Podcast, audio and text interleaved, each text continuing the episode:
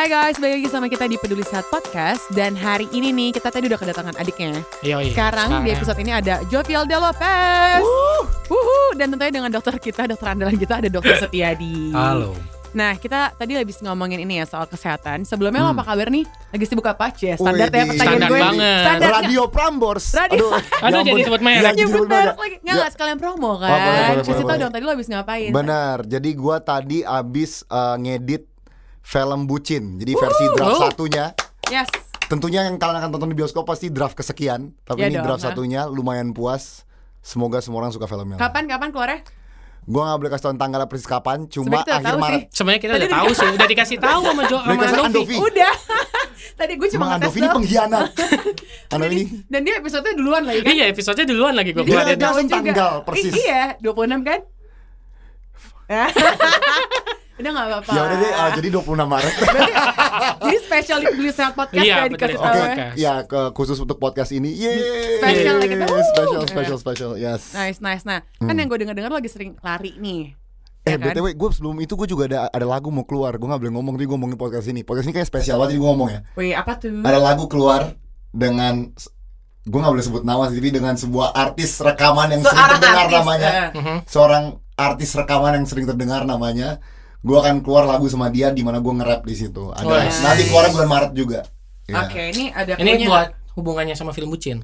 tidak ada? Oh, hubungannya gak ada hubungannya. Lagu Iya. Bucin enggak? bukan lagu Kayak bucin dari tadi dia pengen ngebahas bucin banget ya karena dia pernah pengalaman jadi Iya, bucin. nanti ini mau Tujuh tahun kan? Tujuh tahun. Nanti Aduh, aja. Itu di podcast yang lain nih, jangan yang di sini Aduh. ya. jangan jangan di- Beda-beda disebut lagi angkanya. Eh, tadi gue gak enak mau motong cewek yaudah tadi lu mau nanya sesuatu Oke, Iya. nah jadi gue pengen nanya soal lari nih. Kan lo sibuk banget nih. Gimana lo bisa menyempatkan waktu untuk lari di tengah kesibukan lo? Oke, jujur sangat sulit. Soalnya kebanyakan hari itu gue justru bangun jam 5, jam 6 Setengah ngantuk mulai lari Jadi gue tuh ada program Gue tuh lari Oke. maraton bulan Maret juga Nih kenapa semua terjadi bulan Maret ya Banyak ya. Bulan Maret harus maraton di Seoul Atau kalau bahasa orang sini Hmm. Seoul Atau ya terserah lah Asianya Seoul Kalau Inggrisnya Seoul gitu kan Iya, di. Korea lah ya. Korea ya? Nah itu gue ada program Jadi kalau Hmm. latihan maraton tuh dikasih program Kalau nggak salah 16 minggu Mhm. Cuma gue kepotong sebulan karena syuting film Jadi gue cuma sisa 12 minggu Ya. Nah dalam per minggu itu Gue harus lari berapa kilometer Jadi contohnya minggu ini Gue harus lari 45 kilometer Wih. Itu dicicil. Dicicil Jadi sehari ada yang 15 Ada yang 10 Terus ada yang long run Long runnya tuh 20 gitu Mhm. Pakai Nah. totalnya 45 ya. Iya totalnya 45 Lebih boleh. Tapi nggak boleh nggak boleh gue curang kayak 5 5 5 5 Jadi ada ada ada oh. Selasa lari segini Ya ya ya. Kamis lari segini. Nah, gue tuh biasanya bangun pagi setengah ngantuk lari. Gue ini pasti ada dokter nih yang pasti kayak itu sama sekali nggak sehat. Nanti kita confirm ya. Kita confirm, kita confirm.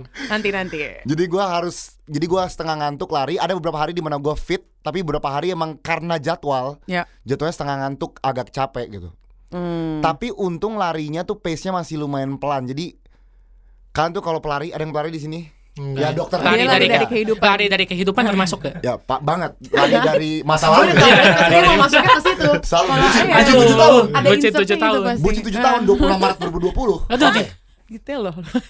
Itu lanjut. Nah, em, kita tuh kalau lari kan ngefek ke jantung, heart rate kita naik. Mhm. Nah, heart rate ada heart rate di mana heart rate masih aman gitu, zona aman. Ya. Jadi kalau di adalah zona 1 2 3 4 5.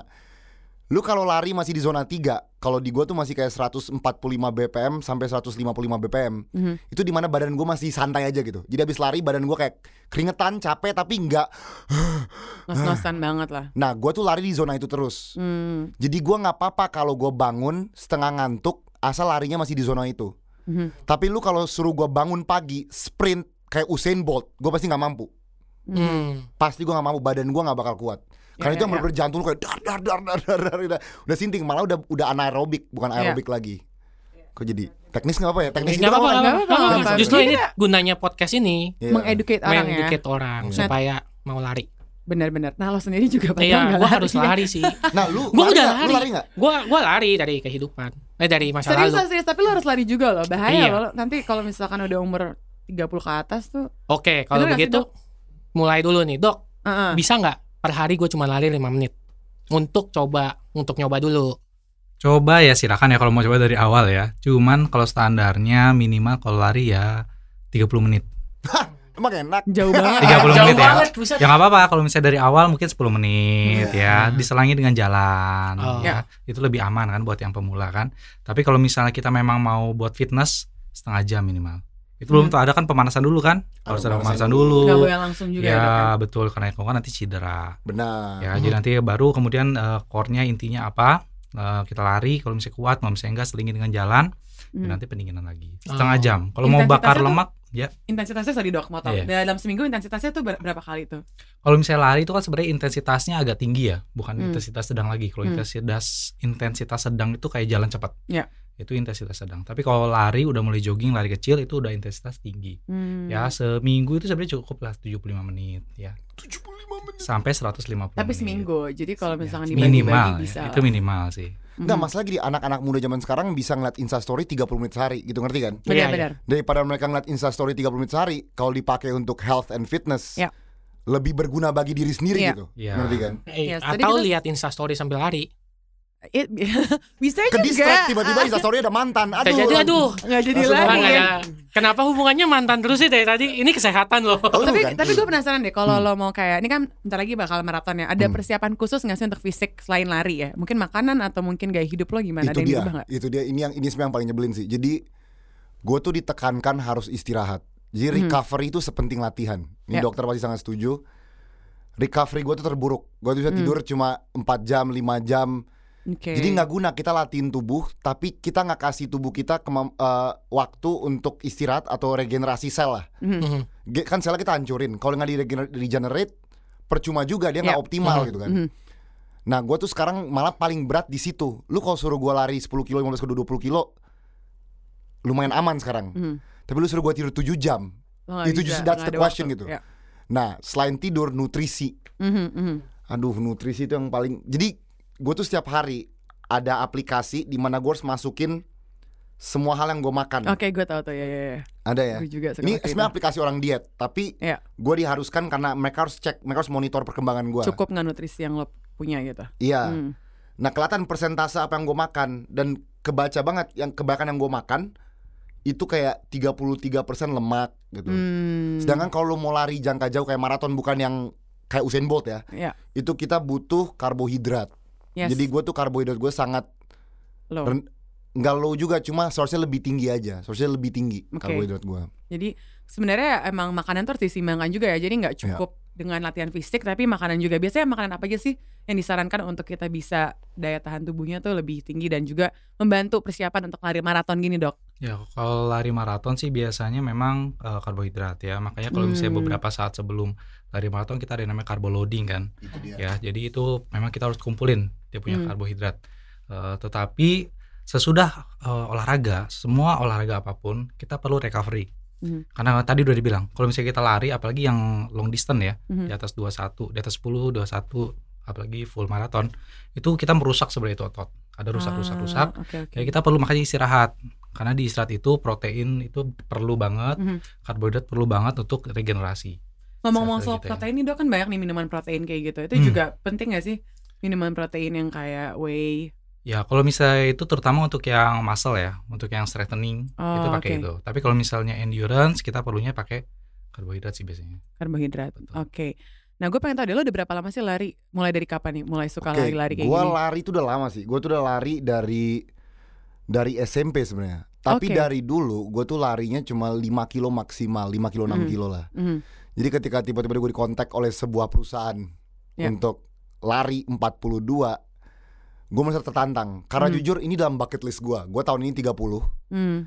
Gue tuh selalu ada kayak goals goals to achieve atau weird things to do lah before you turn a certain age gitu kan. Oke. Sebelum 40, sebelum 50, sebelum 30. Mhm. Nah sebelum 30 tuh dari dulu gue pingin lari maraton. Mhm. Walaupun maraton ini jatuhnya di luar setelah ulang tahun gue, tapi ya di tahun inilah India kan. Mhm. So I have tried a marathon gitu. Mhm. Ulang tahun lo kapan sih emangnya? 24 Februari. Kado ya guys, guys Tetap kado. ya, Gua tetap mau ya. gua taruh alamat di sini nggak supaya Oh, bisa. Kayak gift. Ntar ntar salah jual lagi nggak? Waduh, jokes lama ya. Iya, jokes lama. Itu YouTube zaman YouTube lama. lama. YouTube ini zaman zaman lama. lama Sekarang tuh beda Ketahuan YouTube. angkatannya. Sekarang Iya. tuh YouTube zamannya petir-petir. Oh ya petir petir. Oke oke. Oke. Oke, harus oke, oke, nih, oke, harus jaga nih. Oh, harus Sebelum jaga ya, menyindir yang jaga. lain. Jaga ya. By the way soal makanan lo susah nggak lo mengalami kesulitan gak sih untuk kayak tadi memenuhi karbohidrat dan kesulitan utamanya itu apa? Apa karena lo nggak suka makanan-makanan karbo atau gimana? Kesulitannya sebenarnya simple banget. Jadi gini, misalnya kita uh, ke restoran ayam goreng ya. So kita kan temanya di sini nggak boleh sebut brand kan. Mhm. Restoran ayam goreng, ayam cepat saji terkenal di seluruh Oke dunia. oke gue tahu. Bapak-bapak ya. Yang ada kolonel-kolonel Oh, itu iya. kan ya. Oh, oke. Warna putih merah itu Depannya K, iya, belakangnya udah- C. udah langsung Tengahnya F. Udah- Mangga ketiga C. Udah Udah gampang dong. kan huruf. Dan Lanjut lanjut dong. kenapa lo lo kelemahannya itu? Nah, kelemahannya eh, Kulit ayam. contoh contohnya, Heeh. gue kalau ke sana, gue bisa pesen tiga ayam satu nasi.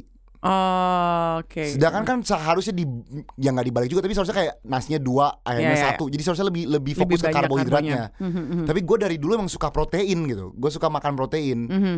Nah mereka Oke. tuh suruh gue bener-bener ngubah diet itu. Hmm. Nah banyak orang tuh yang suka makan kayak misalnya lu ke warteg, lu nasinya bener-bener sepiring. Gue nggak, gue tuh selalu nasinya sedikit, banyak lauk lauk lauk lauk lauk lauk lauk sayur. Nah itu gue Oke. kayak gitu tuh. Tapi kan karbo nggak ada nasi aja ya dok ya. Mungkin Iya. uh, dokter bisa kasih rekomendasi lain gitu. Kalau misalkan mau carbo loading, beside makan nasi itu apa aja? Ramen ramen. Ya, yang pertama kalau carbo loading itu memang untuk terutama untuk pelari jarak jauh ya. Mhm, mhm. Jadi untuk yang 21 42 lah ya terutama. Jadi kalau misalnya cuman kita pelari rekreasional, cuman hobi, cuma Ya. 5 10 sebenarnya carbo loading eh, nggak terlalu perlu juga. Hmm, Jadi ya seperti biasa lah kita makan seperti biasa diet seimbang, ada nasi, karbohidrat, ada proteinnya. Karbohidrat tentu saja kan nggak cuma nasi. Ya. bisa dari kentang, bisa dari roti, Mhm. eh, crackers kalau nggak masalah makan itu juga bisa. Karena ada karbo yang jahat juga nggak sih dok? Maksudnya kalau misalkan kita, misalnya gula, Hmm. itu kan juga bisa memberikan karbohidrat. Tapi kalau kebanyakan gula juga nggak baik kan dok? Iya, jadi eh, karbohidrat apa yang disarankan itu karbohidrat kompleks. Nah, Ya, daripada daripada Berat guys. daripada yang simpel ya. Kalau yang simpel, kayak misalnya contohnya yang paling orang sering kasih contoh, nasi putih sama nasi merah. Ah iya iya. Nah, iya. itu mana yang lebih bagus? Nasi merah karena dia lebih kompleks misalnya. Ya Iya, kemudian iya. roti gandum sama roti putih biasa misalnya. Tapi kadang-kadang susah ya dok, nggak semua restoran jual nasi merah. Soalnya Ah, aku beberapa betul. kali pengen beli nasi merah, kayak oh nggak ada nasi merah di sini gitu. Jadi ya triknya gimana? Kita paling nasinya tetap dibanyakin tapi lauknya dikurangin kayak gitu. Eh, tetap sih porsi kalau misalnya antara nasi sama lauk, kalau misalnya kita diet seimbang ya, Mhm. itu sama sih satu banding satu lah, Mhm. gitu ya. Kecuali ya kalau ini kan memang mau carbo loading Ya. untuk long distance kan, itu beda lagi memang. Ya. Ya jadi kalau misalnya orang normal sehari-hari ya nggak apa-apa, nasi sama sa- eh, lauk satu banding satu, it's okay. Hmm. I karbohidrat see. sama protein. Jov lo pernah gak sih cedera gara-gara lari selama ini? Waduh, semoga jangan ya. Tapi selama Tapi ini pernah nggak ya? Pernah. em, jadi belum pernah sih sakit-sakit kecil ya. Gue tuh Oke. belum pernah injury besar, belum pernah. Aduh terima kasih yang di atas sana. hati-hati ya harus Terima ya.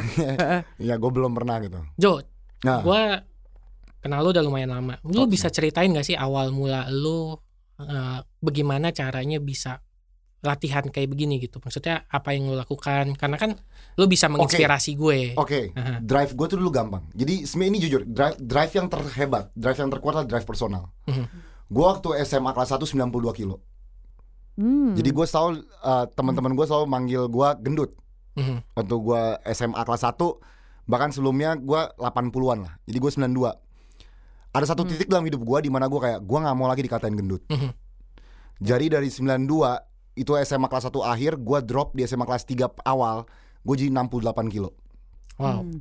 itu gue lakukan dengan lari tapi ini agak nggak sehat makan gue berpotong setengah padahal gue itu masa pertumbuhan seharusnya gue makan masih full ya Hmm. jadi gue lari berenang sepeda ini gue waktu itu SMA di Eropa jadi sepeda gue setiap hari kalau bisa dari dari rumah ke sekolah gue sepeda terus jadi motivasi dulu tuh personal Mhm. kenapa gue mulai lari nah sifat itu kebawa Mhm. jadi waktu gue kuliah gue mau ge- ngembangin masa otot tapi karena gue dari dulu sering lari ke bawah terus sifat itu jadi gue gue Hmm. seiring dengan ngangkat beban gue lari Mhm. gue lari tapi itu dari dulu gue cuma maksimum 5-6 kilo Oh. yang 42 20 21 10 ini baru-baru ini men Mhm. Dan- Wow. kayak sayang aja kalau gue bisa dari dulu membiasakan badan gue dari usia lebih muda lari sepanjang ini pasti sekarang lebih gampang Iya. kan gue latihannya sekarang udah lumayan nih gue umur 29 ya coba kalau gue dulu latihan dari umur 24 22 18 itu Ya, dia yang gue saranin ke listeners podcast ini gitu kan kalau kalian masih muda, Start early. ya ya. start early, why not gitu? Why Ya. not? Ini nggak merugikan kita kok gitu. Iya, berarti kita harus kata-katain lo dulu ya, kayak to- biar lo ada motivasi. Iya. Kan eh, dikata- enggak dikata-katain sih udah, cuma motivasinya aja belum. Nggak ngaruh karena lo Nggak ngaruh. dulu ya. Karena gue menerima tapi diri kan gue motivasi sendiri. yang SMA kan. Iya. Kalau motivasi yang sekarang ya gara-gara gue lari maraton. Oh. Ah, nice. Jadi emang semua tuh ada motivasinya. Susah kalau kita nggak ada motivasi terus kita coba melakukan sesuatu agak ribet Oke, sih. oke. Iya. Ya, setidaknya kalau ada motivasi jadi terdorong sih. untuk melakukan itu. Nah dok, selain untuk membakar lemak sama nurunin berat, berat badan nih, ada nggak sih kayak efek bagus lainnya dari lari? Ya jadi kan kalau misalnya lari itu salah satu olahraga yang dianjurkan juga ya Hmm. karena dia kalau orang bilang kardio ya. Jadi dia sifatnya aerobik. Mhm. Kalau misalnya dengan zona yang tepat ya, dengan intensitas yang tepat, eh, dia kan aerobik. Dia akan turunin berat badan, turunin lemak. Mereka yang punya mencegah untuk darah tinggi, kencing manis itu bisa terkontrol. Hmm. Ya ujung-ujungnya kan berarti kita menurunkan risiko komplikasinya seperti jantung, stroke. Banyak ya Iya. benefitnya ya. Hmm. Kemudian yang lain eh dia kan kita melatih keseimbangan. Kemudian eh, tulang juga pasti akan mencegah untuk osteoporosis nantinya. Lebih terutama kuat. untuk yang ibu-ibu ya, Hmm. perempuan-perempuan. Jadi Hmm. banyak banget sih manfaatnya ya. Dan tidak hanya itu untuk psikis juga. Ya untuk Oke. psikis. Karena itu banyak orang yang relax, jadi mencegah depresi. Ada efek untuk mental health betul, juga. ya. untuk anxiety. Nah, itu. Iya iya. Tapi tuh gue mau nanya, kalian SMA di Indonesia nggak? Iya, di Indonesia. Iya. Di Indonesia. Indo. Kalian waktu pelajaran olahraga disuruh lari gitu nggak kayak long Ada, distance bahkan running? ada tesnya tes lari gitu. Tapi nyampe kayak 5k, 10k gitu atau Nggak, cuma nggak kayak ada. Enggak sampai Nggak ada, Lapangan kayak balik, sama Iya. lapangan lapangan balik, lapangan balik Atau nggak doang. muterin, Muterin. hall Nah gitu. ini gue jahat nih, gue tuh mau banget men Kemdikbud Hah? memasukkan Itu yang nggak usah sebagai- 10k, 5k aja ke program. Jadi Ya ya ya. nggak usah cepet, tapi kayak anak-anak SMA Indonesia pada dasarnya bisa 5k gitu. Iya Eh, sih. jadi Itu basic. bagus untuk kesehatan kita semua. Jadi loh. Kayak- basic ya. Yes, just the basics untuk Hmm. semua anak Indonesia gitu. Coba ini dengarkan ya Ya, podcastnya. Semoga podcastnya didengarkan. coba didengarkan. Ya, Kemdikbud. Mungkin bisa. Pak, mungkin bisa diundang sebagai Iya, narasumber boleh kita juga sih. selanjutnya gitu ya. Boleh juga. Supaya peduli kesehatannya. Nah, kalau misalkan lo pribadi nih eh, setelah maraton ini ada nggak sih goal-goal lain yang lo pengen capai? Jadi maraton itu eh, ada ada lima world major marathon Mhm. di dunia, lima atau enam gue lupa. Gue mau coba masuk salah satu dari itu. Mhm, Untuk masuk salah satu dari itu, kayak contohnya misal lu mau masuk Boston, mhm. Ya. itu lu seharusnya udah pernah maraton yang lain dengan waktu tertentu. Jadi Mhm. nggak bisa lu asal random Asal gua mau sign up ke Boston nggak bisa. Nah, gue tuh berharap gue ikut maraton ini, ikut maraton lain supaya gue bisa ikut world major marathon yang yang sulit dimasukin itu gitu. Gue mau Wah, coba masuk nice ya dukung. Harusnya maraton kayak gini beneran ya, nggak Iya. cuma story doang ya. Larinya Nggak, cuma ya. semenit, Semenit storynya banyak. maraton udah 20k. Iya, Pencitraan iya. doang ya. Eh, tapi eh si Seoul ini nggak termasuk World Major Marathon. Enggak, tapi dia yang kedua tersulit di Asia. Jadi yang paling prestigious di Asia tuh Tokyo. Mhm. Tokyo tuh world major marathon BTW. Karena karena mus- karena mungkin tekstur tanahnya kali. Gua nggak paham apa yang membuat sebuah world major marathon. WMM, gua nggak paham. Ada peraturan dunianya. Tapi em, setelah Jepang katanya paling paling mendekati eh, persyaratan mereka itu Seoul. Mhm. Jakarta juga ada maraton kok. Jakarta ada, Singapura ada, Kuala Lumpur ada, Bangkok ada, semua ibu kota ada. Ya. Mhm. Tapi di Jakarta lu kalau lari di belakang lu mobil tet tet tet tet, pada marah. Iya Kenapa sih, nih kalian lari-lari? ngalangin jalan. Kenapa ngalangin jalan? Gitu. Iya betul banget. Kayak jadi lari tuh emang da- lah tuh dari sifat mobil Iya. ngeklaksonin pelari aja udah kelihatan. Ketahuan ya. Indonesia tuh bukan negara lari. Iya, Kayak betul. kita tuh bukan negara yang menghargai olahraga lari gitu. Betul banget. Iya. Ya, ya, padahal di negara lain tuh sangat mendukung banget. Oh ya. malah kalau perlu orang seneng ada bosan maraton orang tidur di rumah gitu kan nggak kerja gitu orang seneng. Ya walaupun Walaupun kita udah, sih. udah mulai ada car free day itu udah lumayan mendukung Udah lumayan. Udah ya. lumayan, udah lumayan. Bisa lah. Lu setiap hari car free eh setiap minggu car free day berarti ikutan. Setiap minggu car free day. Terakhir kali gua car free day 18 km. Eh, kemarin gue 20 km tapi treadmill itu sangat membosankan. Ya, lebih enak, lebih enak car free day berarti kan. Bisa lihat orang lewat. Buat lo kali yang masih jomblo Iya. bisa lihat. Sebenarnya ada ada plus minusnya. Car free day lu dapat cuaca Jakarta 26 Iya, derajat iya. sampai 33 derajat. Aha. Gym lu dapat cuaca gym 18 derajat. Kayaknya lebih Dingin. gampang lari 20 kilo 18 derajat daripada 33. Dok, cuaca yang ngaruh, Dok. Pengaruh banget. Ya Oh. pengaruh banget. Jadi kalau misalkan eh, cuaca yang disarankan itu memang kalau di Indonesia di daerah tropis itu kurang mendukung untuk pelari. Ya mereka cari yang Oh. 20 di bawah 20. Pantesan dia ngambil yang Eropa sama Jepang. Ah banyak betul. Kayak kemarin kan yang ada rekor baru kan, Yang- rekor 42 ki, eh, 42 k itu kan Yang namanya di Wina. Betul, namanya di Wina. Hmm. Dan yang kedua kelembapan. Mhm, Jadi mhm. semakin lembab apalagi daerah kita kan lembab tropis banget ya. Jadi kita Iya. kan sulit untuk berkeringat, keringatnya sulit untuk menguap.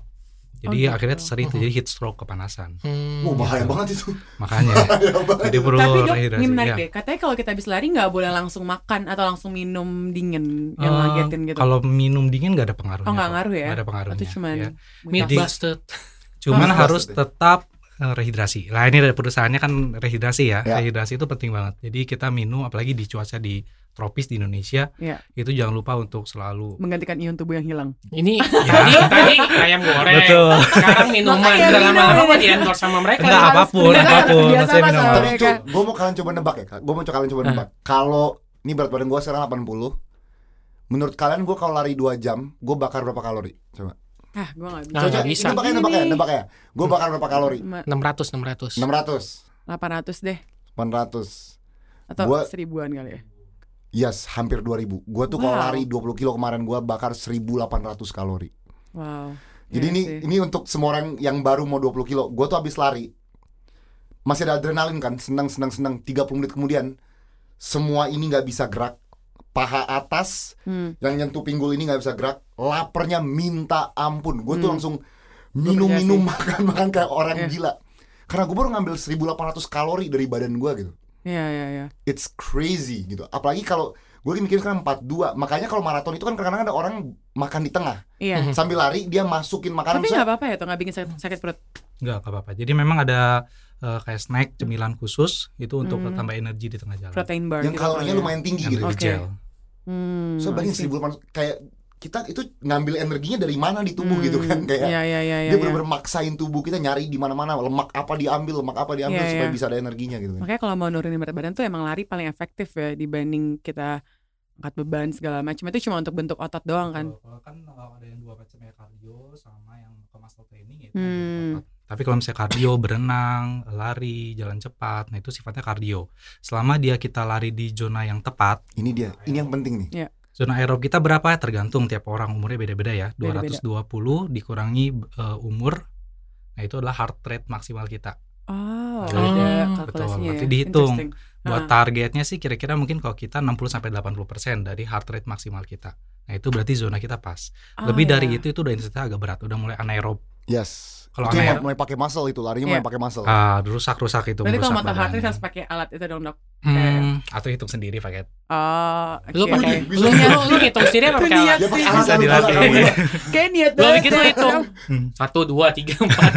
Bisa juga dok kalau misalkan tips-tips dari dokter nih sebelum Hmm. kita lari. Jadi apa aja persiapannya buat mereka nih yang baru mau memulai? Oke, lari. Jadi kalau lari itu memang tergantung tiap orang. Mhm. Ya, jadi beda atlet beda kan sama kita yang mungkin bukan atlet. Ya. Kemudian kita yang baru memulai, ya kita mulai dengan start yang awal, pelan-pelan aja. Hmm. Eh, kema- te- tergantung dengan kemampuan kita. Ya. Yang bisa diselingi jalan nggak apa-apa kok nggak masalah.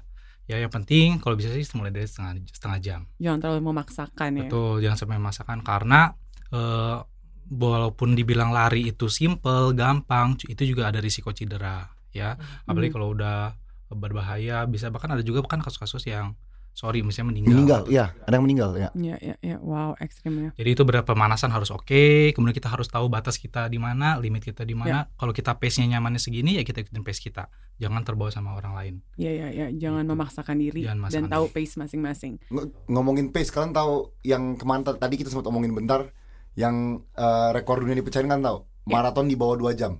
Iya, iya itu gimana sih? Ini nih, Aku? boleh gue ceritain nggak? Supaya Ah. kalian tahu betapa gilanya itu ya. Ini ah. bener gila sih. Jadi maraton 42 kilo. Mhm. Dia lari di bawah 2 jam. Berarti kalau kita matematika dasar, dia lari on average 21 km per jam. Hmm. Gue sekarang tantang kalian ke fitness terdekat kalian. Mhm. Ke treadmill, nyalain tuh treadmill, pasang 21 km per jam. Hmm. Lihat kalian tahan berapa lama. Gue yakin 20 detik aja kalian nggak tahan. Itu bener, par, par. Gila, cepet Dia, banget ya. itu orang bisa tahan 2 jam, 21 km per jam. Sinting. Iya, itu makan apa ya dia? Speed gue aja sekarang, dia 21 kan. Gue aja sekarang kalau lari sejam, gue bisa di 10 setengah, 11 km per jam. Itu udah bengek. Itu udah lumayan napas agak susah. Kalau yang bengek tuh 12, gue kalau lari Hmm. 12, pace 5. Kalau masih pace atas 5, gue masih aman nih. Nah dia nih 21, ini 21. udah pace sinting, udah pace orang gila. Itu human juga. flash, gue udah gak ngerti lagi kan. Iya, iya, jangan. Coba kalian ya, coba kalian ke gym, pasang 21 km per jam. Coba berapa lama kalian bisa? Terus nanti kasih tau gue WhatsApp ya. Lu lu Ya, kalau lu udah pernah coba belum? Lu udah pernah Gue coba? pernah belum? coba, gue pernah coba maksimal di treadmill 16 setengah. Dan itu gue Wow. bertahan 1 menit 20 detik. Sedangkan dia kan dua Kakak. jam. Gila sih. 21. Buset. Itu Gila sih. 21 kok dok, berarti dia nggak nggak turun-turun ya? Apa itu rata-rata? Rata-rata 21. Bisa aja dia 23, bisa Iya, dia 19. iya, bisa kan diatur. rata-rata dia 21. Dia pakai pengatur. Jadi Oh. itu benar-benar diatur, terus ada pacernya lengkap. Iya. Itu satu tim memang semua yang mempersiapkan. Oh. Tapi itu bukan dicoba try kita di rumah ya. Jangan ya, itu. Iya, iya, iya. Lu harus, Iya. lu harus latihan lama ya, itu level sih. persiapannya luar biasa. Intinya ada proses ya, Dok. Betul. Tapi yang pasti mencoba dari awal dulu. Yang penting Mhm. start Iya, early start dan early. juga berani mulai, Iya. mulai aja dulu. Nah, terakhir Rijo, mungkin untuk yang belum sampai 5K, 10K tapi baru mau mulai selain motivasi apalagi nih yang harus mereka punya supaya mereka bisa semangat untuk lari. Kalau gue selain oke kalau motivasi kan misalnya ya tadi gue bilang kan misalnya lu dikatain apa Mhm, atau lu mhm, ada event apa. Kalau menurut gue sih masalah kesehatan sih. Hmm. Kayak orang nggak sadar aset terbesar kita adalah kesehatan kita. Mhm. That's our biggest asset. Selain our mind, it's our body. Mhm. So what's wrong with working out gitu? Ya. Kayak lu ngeliat Insta story, lu ngeliat Instagram orang, it doesn't do anything to your life. It just adds envy Ya. and you waste time gitu. Mhm.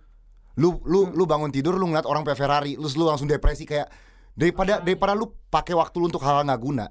Pakai Use waktu. things that will enrich your mind atau your body gitu. Mhm.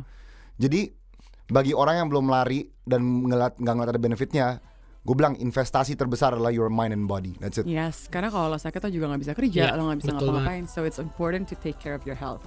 Thank you so much juga untuk waktunya. Ya, Thank you sama-sama. juga Thank you banget ngundang ke Ya. podcast ini loh. Terima of kasih course, loh. Of course. Karena Yes. kita pengen banget meraise awareness. Ya tentang hari Iya. ini. Bener. Dan lo juga harus dong. Iya, gue juga harus. Mulai hari Mungkin ini ya. setiap Abis hari gue akan ya. liatin Instagramnya Jo kali sambil lari. Untuk memotivasi, Untuk memotivasi. ya.